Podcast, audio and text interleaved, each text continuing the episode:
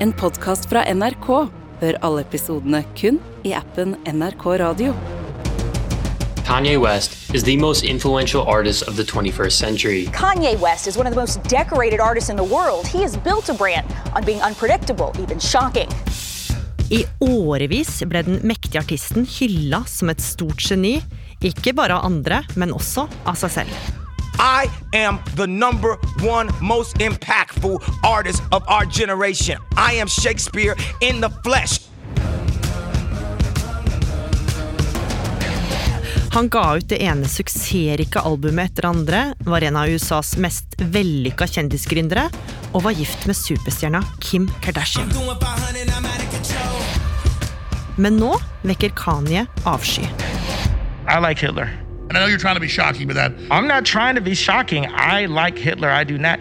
The Holocaust is not what happened. Let's look at the facts of that. And Hitler has a lot of redeeming qualities. He is getting canceled by almost everyone in Hollywood. For i forsøket på å bli president har han alliert seg med hvite nasjonalister og hylla Hitler. Hva skjedde med Kanye? Du hører på Oppdatert. Jeg heter Gry Baby. Altså Nå stormer det virkelig rundt eh, Kanye West, eller Yay som han har bytta navn til. Og det er jo ikke småting. Altså Det er ganske alvorlige greier. For han uh, sier at han elsker Hitler, han sprer konspirasjonsteorier om jøder, og sier at holocaust ikke skjedde. Sandeep Singh, du er programleder for podkasten Musikkrommet her i NRK, og har fulgt karrieren til Kanye helt siden starten. Og det er jo ikke rart at folk reagerer på denne forandringa til Kanye, for han er jo en av vår tids aller største artister. Ja, altså Han har jo vunnet utallige Grammys. Uh, han er en av de mest solgte artistene i verden. Og har samarbeidet med alle de andre store også. Uh, og så har han jo bygga seg en enorm fanskare gjennom det han har fått til ved å lage liksom stor kunst ut av sine emosjonelle oppturer og nedturer. Og han etablerte seg ganske tidlig som en artist som hadde et veldig bevisst forhold til svartes kamp i USA. Og så har han plutselig bare tatt en helvending. Han er nesten ikke til å kjenne igjen. Første gang fansen merka at Kanye begynte å endre mening om ting, det var rett etter at Donald Trump hadde blitt valgt til president. I november 2016 så skulle Kanye holde en svær konsert i San Jose i California. Dette er jo en typisk demokratisk stat, og mange i publikum var nok både fortvila og sjokkert over at den superkonservative reality-stjerna Donald Trump hadde vunnet valget noen dager tidligere. Men denne kvelden var det konsert, og alle var samla for å kose seg og tenke på noe helt annet. Og klokka bikka ti.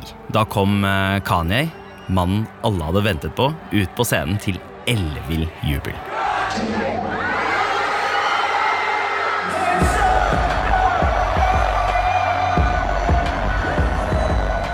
Kanye startet å fremføre låta 'Famous', men stoppet etter noen få linjer.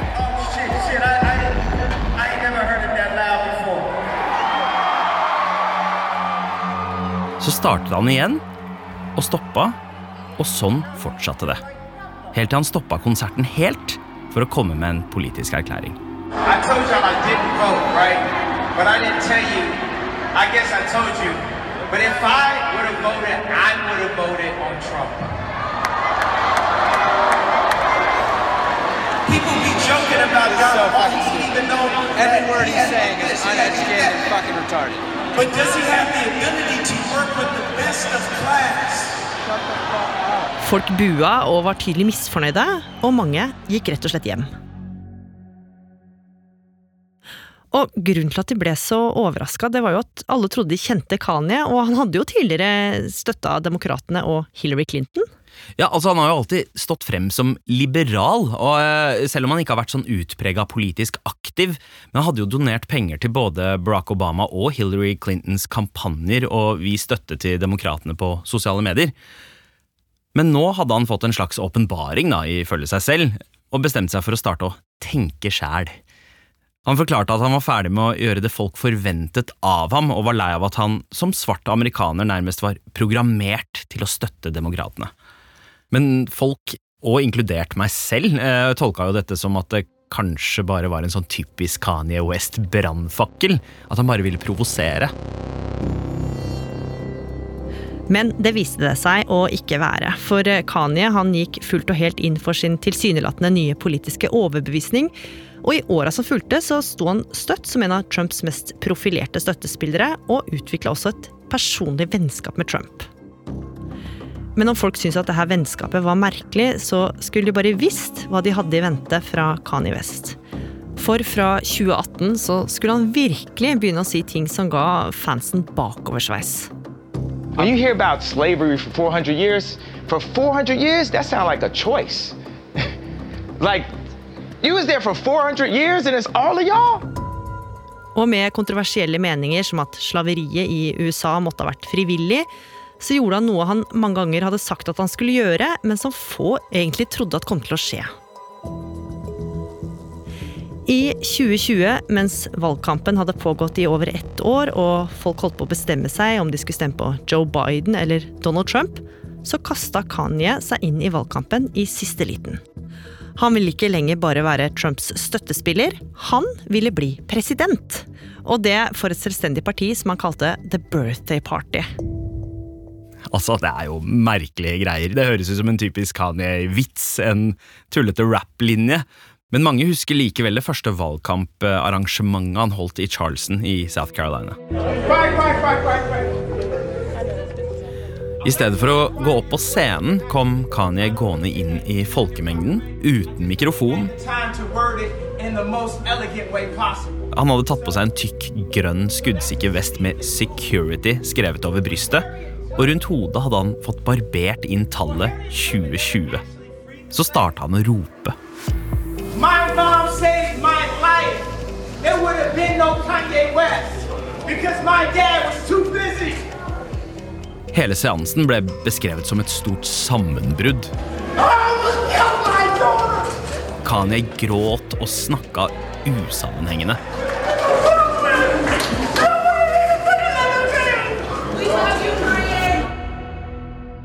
Men han fikk jo også tydelig frem at han hadde ekstremt konservative holdninger, som at han ville ha totalforbud mot abort, og at han mente at abortklinikkene i USA var skapt for å drepe svarte babyer. Men debatten som fulgte, den handla mer om den mentale helsa hans enn abortsaken, for nå var fans oppriktig bekymra for om han hadde det bra. Det hadde etter hvert blitt en kjent sak at Kanye var diagnostisert med bipolar lidelse, og han sa selv at han nekta å ta medisiner for å holde utbruddene under kontroll. Ja, og jeg synes det er veldig viktig å understreke at bipolar lidelse kan oppleves veldig individuelt fra person til person, og jeg er ingen ekspert på dette her, men Kanye hadde jo selv en plate som han slapp i 2018, der det på coveret sto I hate being bipolar, it's awesome. Og det oppsummerer jo mye hva denne diagnosen er, altså ekstreme emosjonelle svingninger. Og I den ene perioden så kan det være sånn at man er på topp med uendelig høy selvfølelse og en tro på at man kan få til absolutt alt i verden, noe som kan føre til at man også gjør ganske mye som man ikke helt tenker over konsekvensene av. Mens i andre perioder så kan man havne helt i kjelleren. Og med alt det Kanye gjorde med tilsynelatende skyhøy selvfølelse, så begynte jo folk å lure på om han rett og slett var inne i en lang og manisk periode. Og Kanyes plan om å bli president den hadde jo en ganske stor svakhet. For han hadde vært altfor seint ute til å registrere seg i flere stater, og hadde derfor ingen reell sjanse til å bli valgt. Men til tross for det så fikk han faktisk rundt 70 000 stemmer under valget. Og de neste to åra så skulle det skje mye i privatlivet hans som skulle ta oppmerksomheten bort fra presidentsnakket, Sandeep. Ja, altså, Kona hans, Kim Kardashian, hadde jo snakket om hvor utfordrende det til tider var å leve med en bipolar mann som ikke tok medisiner. Og hele verden fikk jo med seg at hun ikke var veldig fornøyd med at mannen hennes avslørte at de hadde vurdert å ta abort. Det var jo noe hun hadde lyst til å holde privat. Og det her var nok blant mange ting som fikk begeret til å renne over. Og i 2021 så kom nyheten om at Kim og Kanye skulle skille seg. Og Kanye, han takla denne skilsmissen ganske dårlig.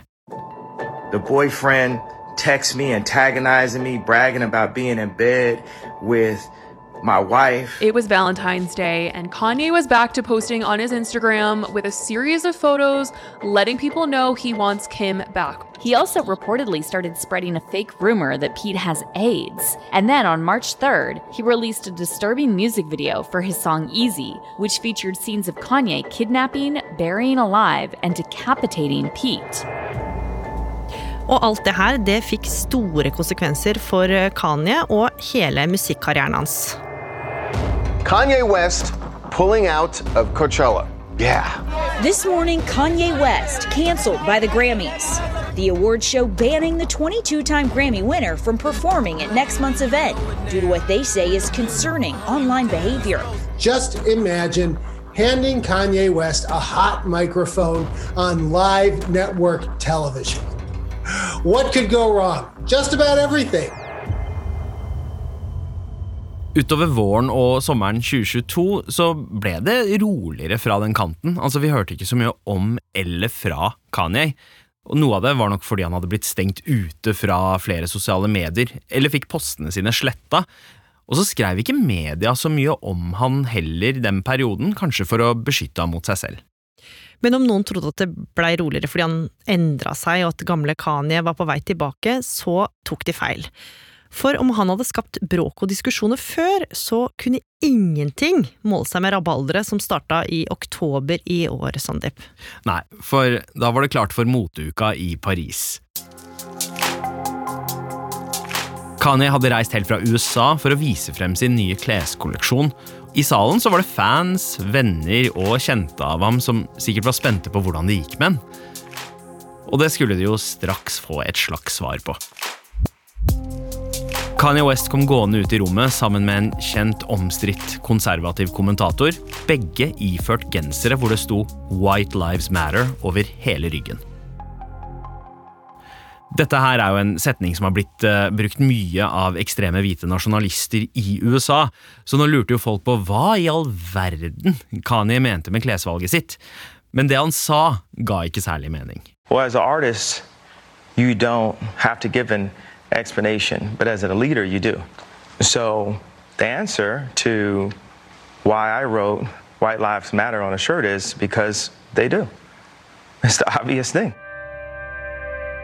En av dem som reagerte på genseren, det var vennen og den verdenskjente musikkmogulen P. Diddy. Han sendte flere meldinger til Kanye der han ba han stoppe med det han holdt på med, og skrev at Kanye skada de svarte sak, og spurte om de kunne møtes.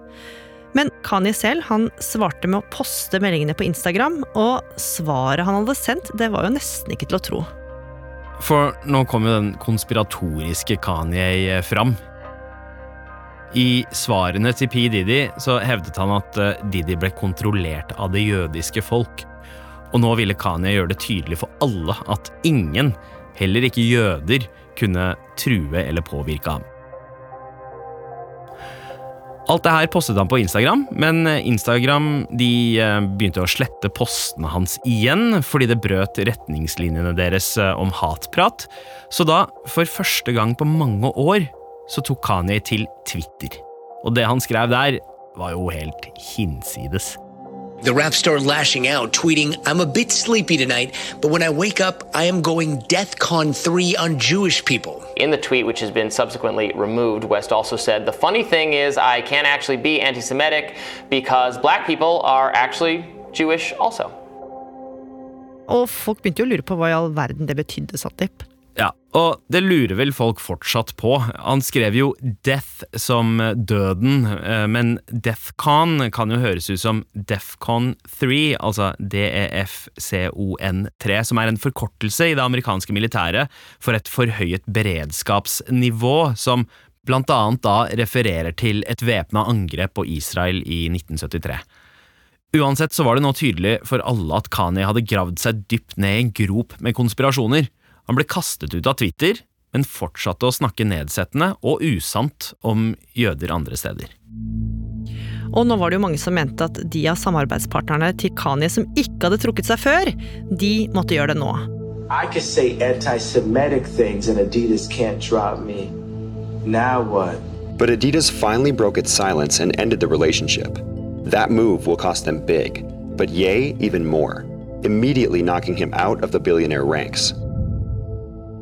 Og omtrent samtidig som han mista flere samarbeidspartnere, så fortalte han paparazziene som alltid fulgte ham, at den bipolare lidelsen var feil. It was a Jewish doctor that diagnosed me of having a disorder that would have had me on medication right now. At time like this, if I was on medication right now, then one pill could have been swapped out and it would be Michael Jackson and Prince all over again. But because I didn't take the misdiagnosis and I didn't take the, the uh, medication, I'm able to speak to you guys clear of thought and transparently. Nå sto Kanye aleine igjen, og framsto ganske paranoid oppi det hele. Men snart så skulle det komme noen som strakk ut en hjelpende hånd til ham, Sandeep. Ja, for Kanye ble invitert på en helt spesiell thanksgiving-middag. Den 22. november kom Kanye West kjørende opp den palmedekorerte oppkjørselen til selveste Mar-a-Lago, den svære rosa residensen til en av få av vennene hans som fortsatt vil henge med ham, nemlig tidligere president Donald Trump. Og Kanye kom ikke aleine. Han hadde med seg en splitter ny venn, og dette var ikke hvem som helst, det var Nick Fuentes. En 24 år gammel holocaust-fornekter og høyreekstremist som var med på stormingen av Kongressen den 6. januar. Så der satt de tre, da. Og vi kan jo se for oss at de kanskje spiste kalkun, skålte og eh, koste seg. Men ifølge Kani skal den gode stemningen ha blitt avbrutt da han bestemte seg for å fortelle Trump om planene sine. Kanye skal stille som president i 2024 og vil ha med seg Trump som sin visepresident. Og Ifølge Kanye skal Trump ha klikka i vinkel da han spurte om dette. At Trump ikke ville ta til takke med å bli visepresident, eh, det kunne man jo nesten gjette fra før, men Kanye lot seg ikke stoppe. Og tre dager senere lanserte han kampanjen sin Yay 2024. When Trump started basically screaming at me at the table, telling me I was going to lose, I mean, has that ever worked for anyone in history? You're gonna lose. Tell him he's gonna lose. Tell him- I'm like, well, well, hold on, hold on, hold on, hold on, Trump. You're talking to Ye. Så i stedet for å få med seg Trump på laget, så så det nå ut som Kanye prøvde å posisjonere seg som Trump sin største konkurrent. Men de tradisjonelle mediene de satt litt på gjerdet og ga ikke Kanye så mye medieoppmerksomhet rundt kampanjevideoen. Kanskje fordi folk lurte på om han egentlig mente noe av det han sa, og de var kanskje litt usikre på hvilken mental tilstand han egentlig var i. Men én person skulle gi Kanye sendetid, nemlig Alex Jones, en av USAs største og mektigste konspirasjonsteoretikere. Og den sendinga her, Sandeep, den skulle jo virkelig ta kaka. Altså, mildt sagt. Kanye møtte opp med en svart strømpe over hele ansiktet som en slags bankraner, og hadde med seg den nye kompisen sin, holocaust-fornekteren Nick Fuentes, og det han skulle si under denne sendinga, det sjokkerte til og med Alex Jones. There's a lot of things that I love about Hitler. I've done a lot of study. I think Hitler was a really bad guy, and I repudiate what Hitler did. I understand that the British intelligence set him up and used I, him. I, I like Hitler. I, I don't like Hitler. And I know you're trying to be shocking with that. I'm not trying to be shocking. I like Hitler. I do not. I the the Holocaust is not what happened. Let's look at the facts of that. And Hitler has a lot of redeeming qualities. Man hører jo at Alex Jones prøver å ro det hele i land, men Kanye bekreftet bare igjen og igjen at han elsker Hitler. Og nå sa jo også Kanye at han ikke tror at holocaust faktisk skjedde. At han tror at de seks millioner jødene som ble drept i andre verdenskrig, er en bløff. Og det her mener jo selvfølgelig mange at er å gå langt over streken, uansett hvor syk Kanye måtte være. They say people learn from their mistakes. Clearly, Kanye West is an exception. How dare you say it to my face? Take off your mask and say it to my damn face. You son of a. I wish I could swear on the air right now. Honestly, I'm so sick of Kanye West that part of me doesn't even want to speak about him because I think it feeds him and it But gives we are speaking, oxygen. so what do we do? But, but we have to speak about it because I think it's that important to call out anti-Semitism. Kanye needs to get the help he needs and politely shut up. Og etter denne sendinga så har jo ting bare blitt rarere og rarere. Kanye gikk rett på Twitter og posta et hakekors og et bilde av den nye sjefen for eh, Twitter, Elon Musk, halvnaken med teksten 'La oss alltid huske dette som min siste Twitter-melding'. Så ble han suspendert fra Twitter og gikk på Instagram og posta en konspirasjonsteori om at Elon Musk var en kinesisk klone. Så fra å være en prisbelønt og elska artist, er han nå en som nesten alle tar avstand fra. Det er jo et enormt fall det her, eh, Sandeep. Mange klarer nesten ikke å tro på det, og lurer på om det er et kreativt stunt, eller om han rett og slett er skikkelig sjuk. Men om det er lidelsen hans som snakker, kan vi se gjennom fingrene med det da? Jo, altså, Det er jo mange som sliter med den samme lidelsen Kanye har, uten at de blir eh, rabiate rasister og antisemitter av uh, den grunn. Så man kan ikke unnskylde det ene alene på det. Men så er det jo også det at hvis noen andre hadde sagt dette, så ville man kanskje ikke ha brydd seg. Men med Kanye så er det rett og slett snakk om en fyr med en ekstrem definisjonsmakt og ekstremt mange fans fortsatt som støtter han, som ikke har falt av. Og det at uh, en fyr som han legitimerer ideer som egentlig tilhører liksom de mørkeste avkrokene på internett, det er bekymringsverdig. Men kan han noen gang vende tilbake igjen? Altså, nå er han jo kansellert av det ene selskapet etter det andre, og mange har vendt han ryggen. Hadde han kanskje tatt imot en utstrakt eh, hånd fra for eksempel P. Diddy for noen måneder siden, da kunne dette kanskje ha fått en lykkelig slutt. Men så langt som det her har gått nå, så ser det veldig mørkt ut. Personlig så er jeg jo oppriktig bekymra.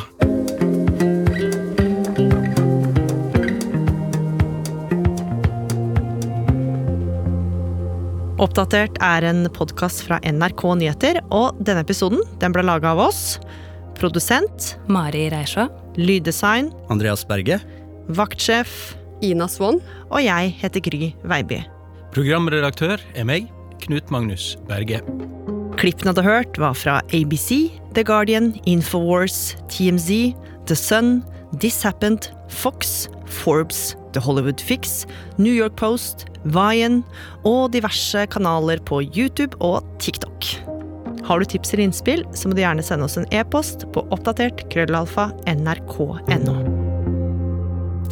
En podkast fra NRK. Ronny Bredde Aase. Live Nelvik. Du er en julens mann. Jeg prøver i mest mulig grad å nyte størst mulig del av desember. Det høres ut som en drømmesetning. Og så får jeg selvfølgelig julegrøt risengryns med rosiner og kanel og sukker. Åh, livet er godt når det nærmer seg jul, ass. Hva gir deg julestemning, Live Nelvik? Jeg får julestemning av litt ribbe.